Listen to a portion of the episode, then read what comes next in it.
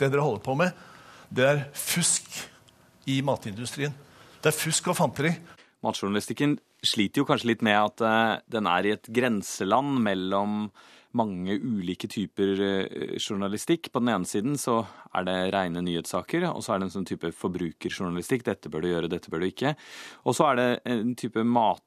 Uh, skribenteri, sånn som jeg driver på med?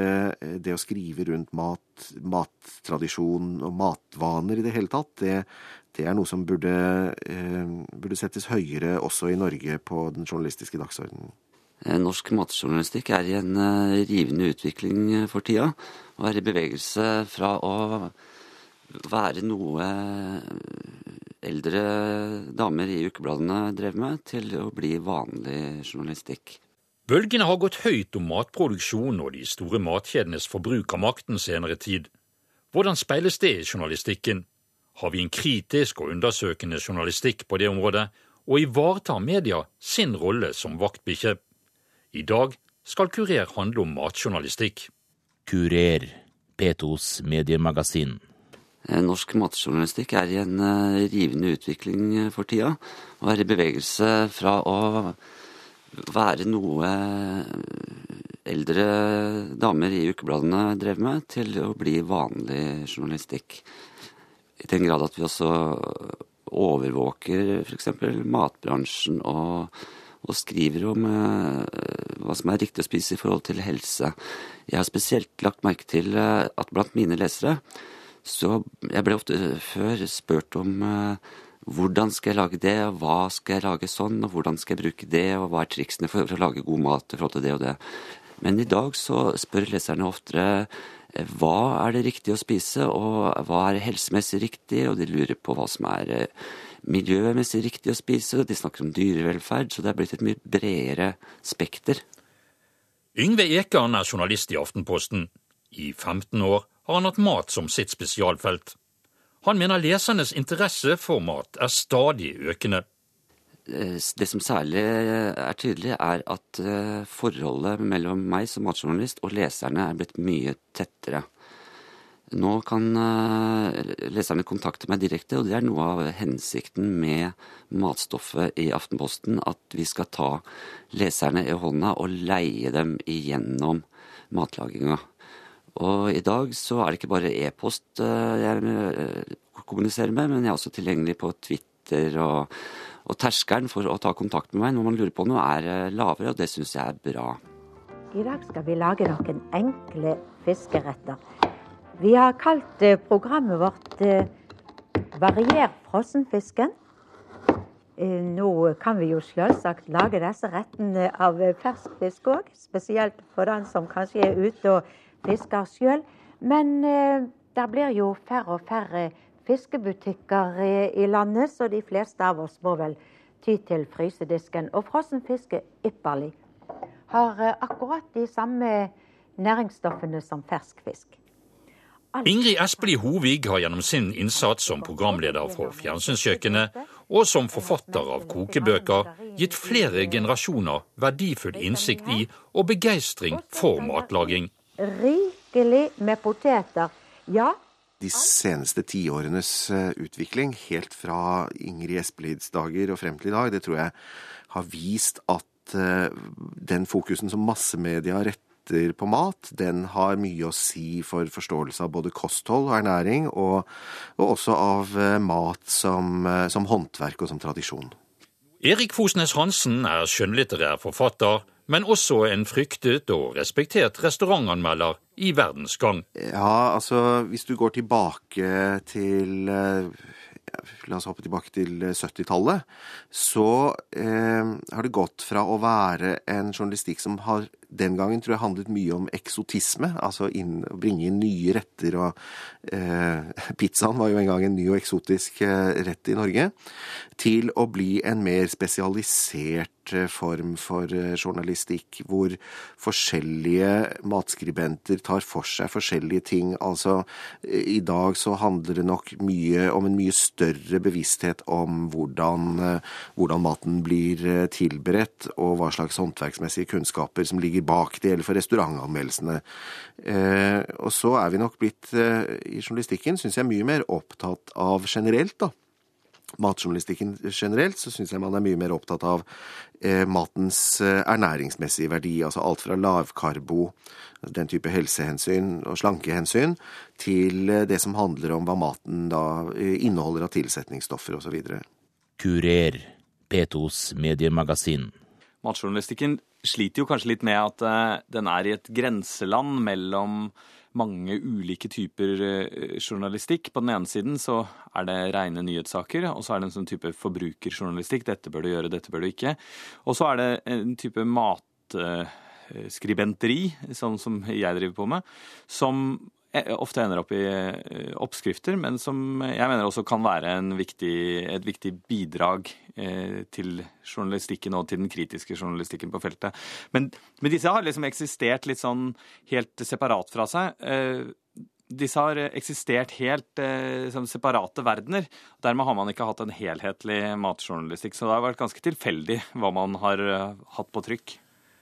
Andreas Wiestad er forfatter av kokebøker, programleder i TV og også kjent for sine matartikler i Dagbladet-magasinet. Han mener kompetansen blant de som skriver om mat, er svært sprikende. Det er nettopp det at det er så ujevnt at det er, det er noen som har uh, nyhetsjournalistbakgrunn, og som, uh, hvor den forrige, forrige saken de skrev var om en uh, trikk som velta. Og så er det noen som på en måte har et veldig sånn forbrukerperspektiv, men som kanskje ikke egentlig er interessert i mat. Og så er det jo noen som bare er interessert i mat, men ikke ser på ser på konteksten og bare er interessert i om oppskriften kan gjøres på 40 minutter eller ikke. Så, så man har ikke på en måte hatt en, en type enighet om hva slags kompetanse man bør ha.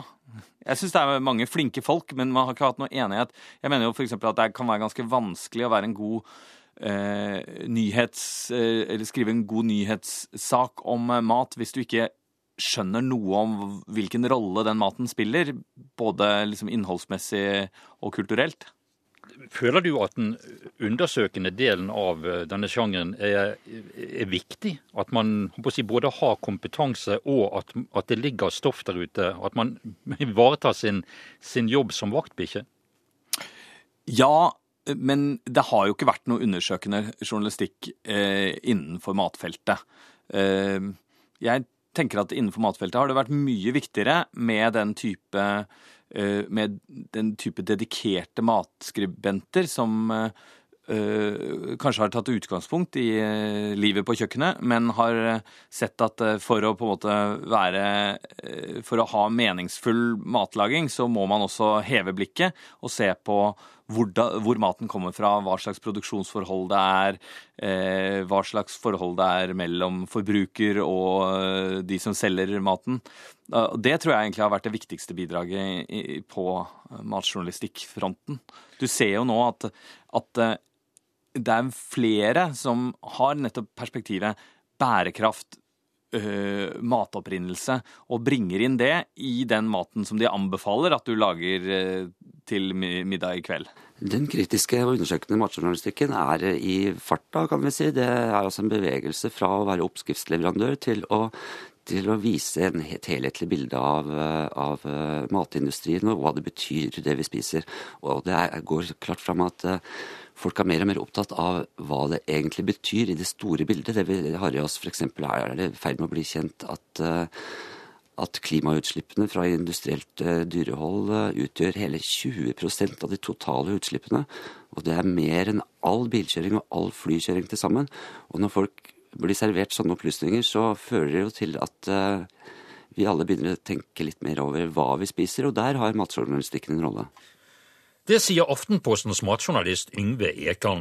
Han mener matjournalistikk kan ha en viktig samfunnsmessig konsekvens. Det er jo sånn at uh, det vi spiser betyr ikke bare mye for helsa vår, men det betyr mye for samfunnet også. Og her i Norge er vi i den spesielle situasjonen at vi har fire store matkjeder som rett og slett griper ganske direkte inn i hverdagslivet vårt. På 60-tallet så eh, spiste nordmenn stort sett det samme. enten du var funksjonær eller direktør, så på hverdager så spiste vi det som Ingrid Espelid Hovig eh, lærte oss eh, på TV. Men i dag så ser vi nok en, en polarisering, er jeg redd, av matvanene våre. At det er noen som oppsøker det riktige og litt fine. Det kortreiste og det økologiske og sånn. Mens andre kanskje søker, store grupper søker nærmere det vi kaller uh, junkfood. Og det er også en oppgave for dagens matjournalister. Da. For dette har med folkehelse å gjøre. Ja, hvor, hvor viktig er den jobben som du har, føler du, i forhold til f.eks. fedme og feilernæring? Ja, I Aftenposten så river vi ingen spesielle eh, kjepphester i forhold til det med, med dietter og sånn, men eh, jeg skjeler helt klart til eh, Helsedirektoratets råd om kosthold når jeg skriver. Men så er det jo sånn at matjournalistikk er også en del, en del av underholdningsstoffet i, i, aviser og blader. I hvert fall i Aftenposten så satser vi på at dette skal være verdt å lese sjøl om man ikke er så interessert i mat. At det skal være godt skrevet og med artige poenger. Til denne lille kåsen som vi skal lage nå, så trenger jeg bare ei sild. Jeg trenger ikke hele stima. Og så har jeg bare lagt et durabelig snitt i buken på han.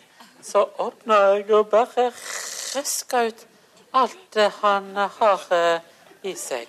Ingrid Espelid Hovigs programmer var svært så populære, og ble også gjenstand for parodier.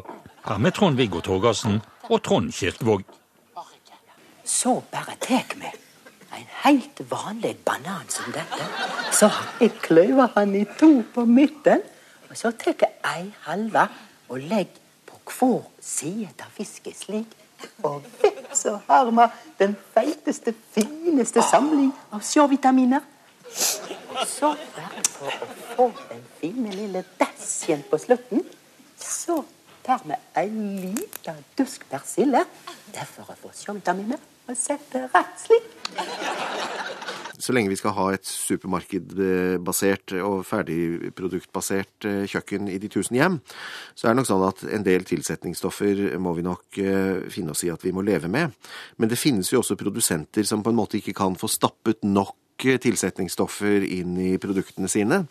Eh, og det er klart at eh, den helsemessige konsekvensen av alle disse eh, enkeltvis og, og, og, samlet, den kjenner vi jo ikke nødvendigvis helt til.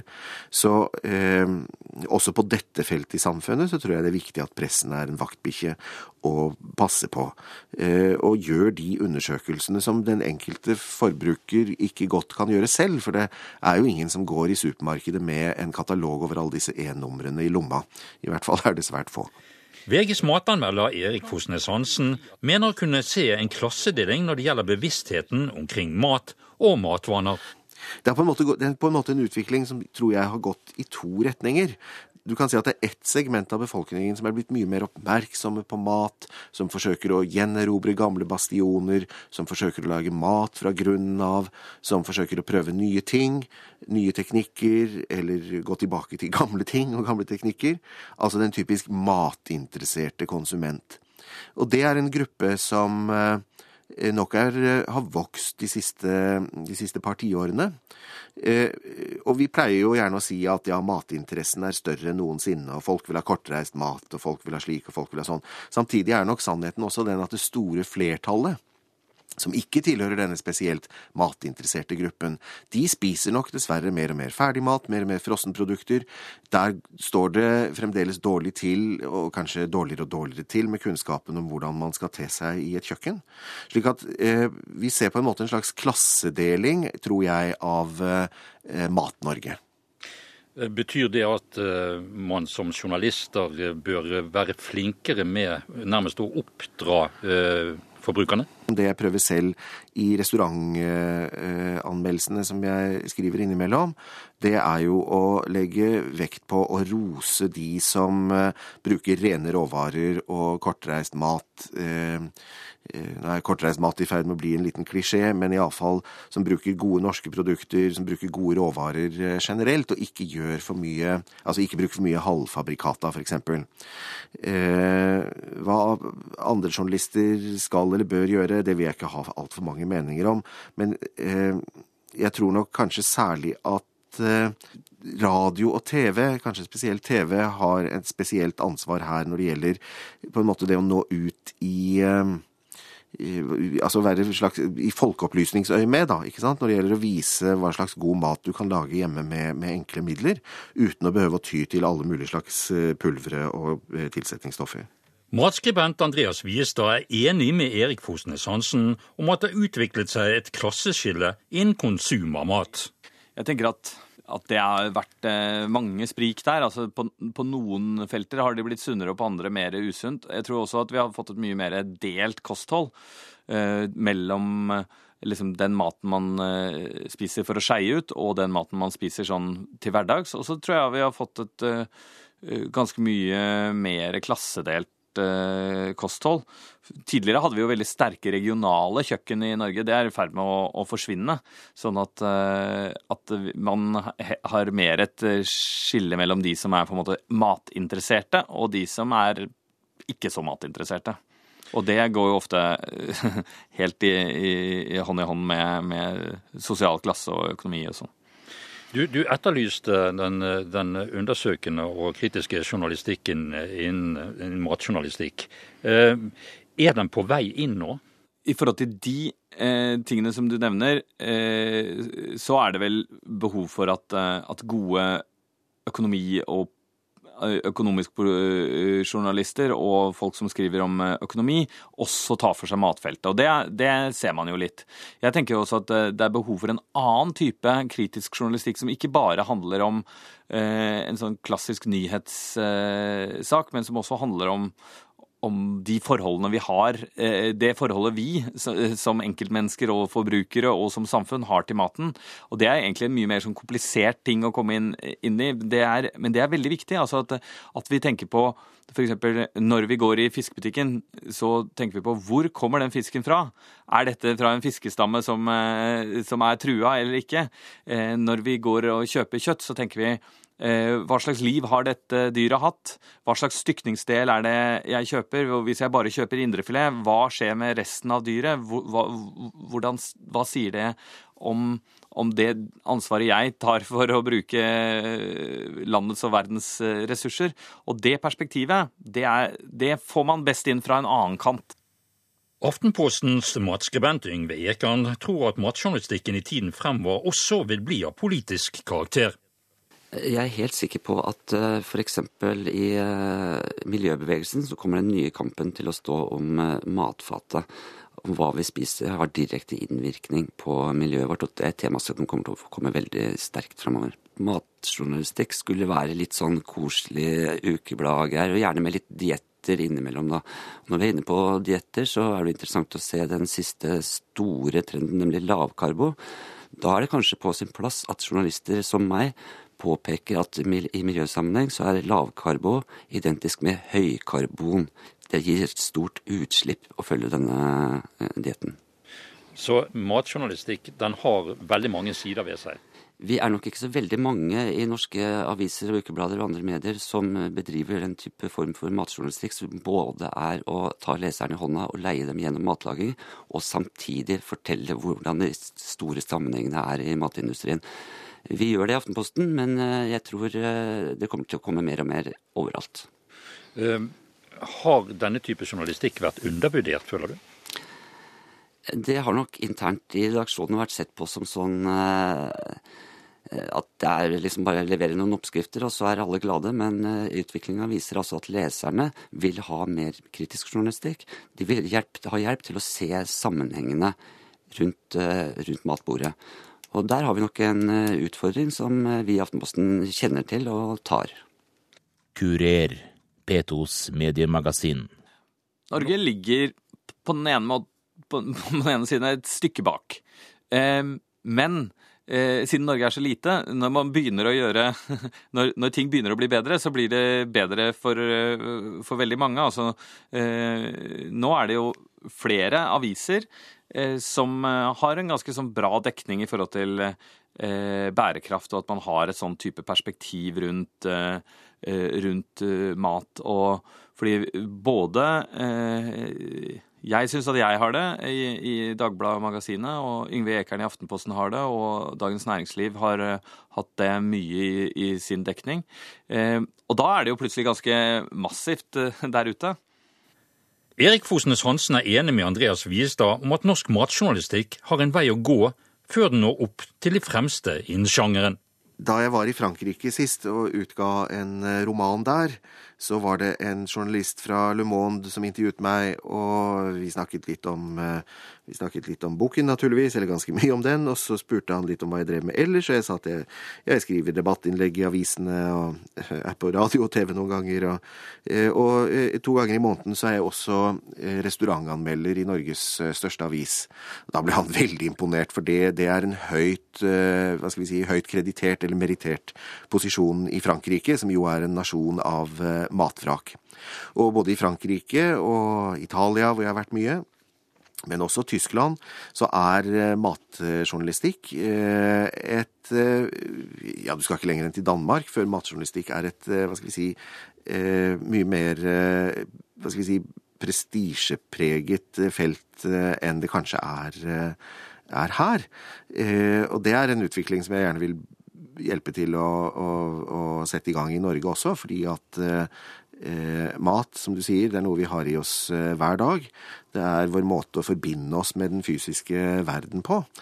Og eh, hva skal vi si, mye av, mye av livsgleden og mye av, mye av, kulturen i et samfunn synes gjennom måltidet. Måltidet rundt middagsbordet er også det viktigste sosiale samlingspunktet kanskje for familiene. Og dermed så tenker jeg at det å skrive rundt mat, mattradisjon og matvaner i det hele tatt, det, det er noe som burde, burde settes høyere også i Norge på den journalistiske dagsordenen. Dette med å, å, å lage eh, oppskrifter og også skrive eh, si, om opprinnelsen til det man, man lager, er det egentlig journalistikk?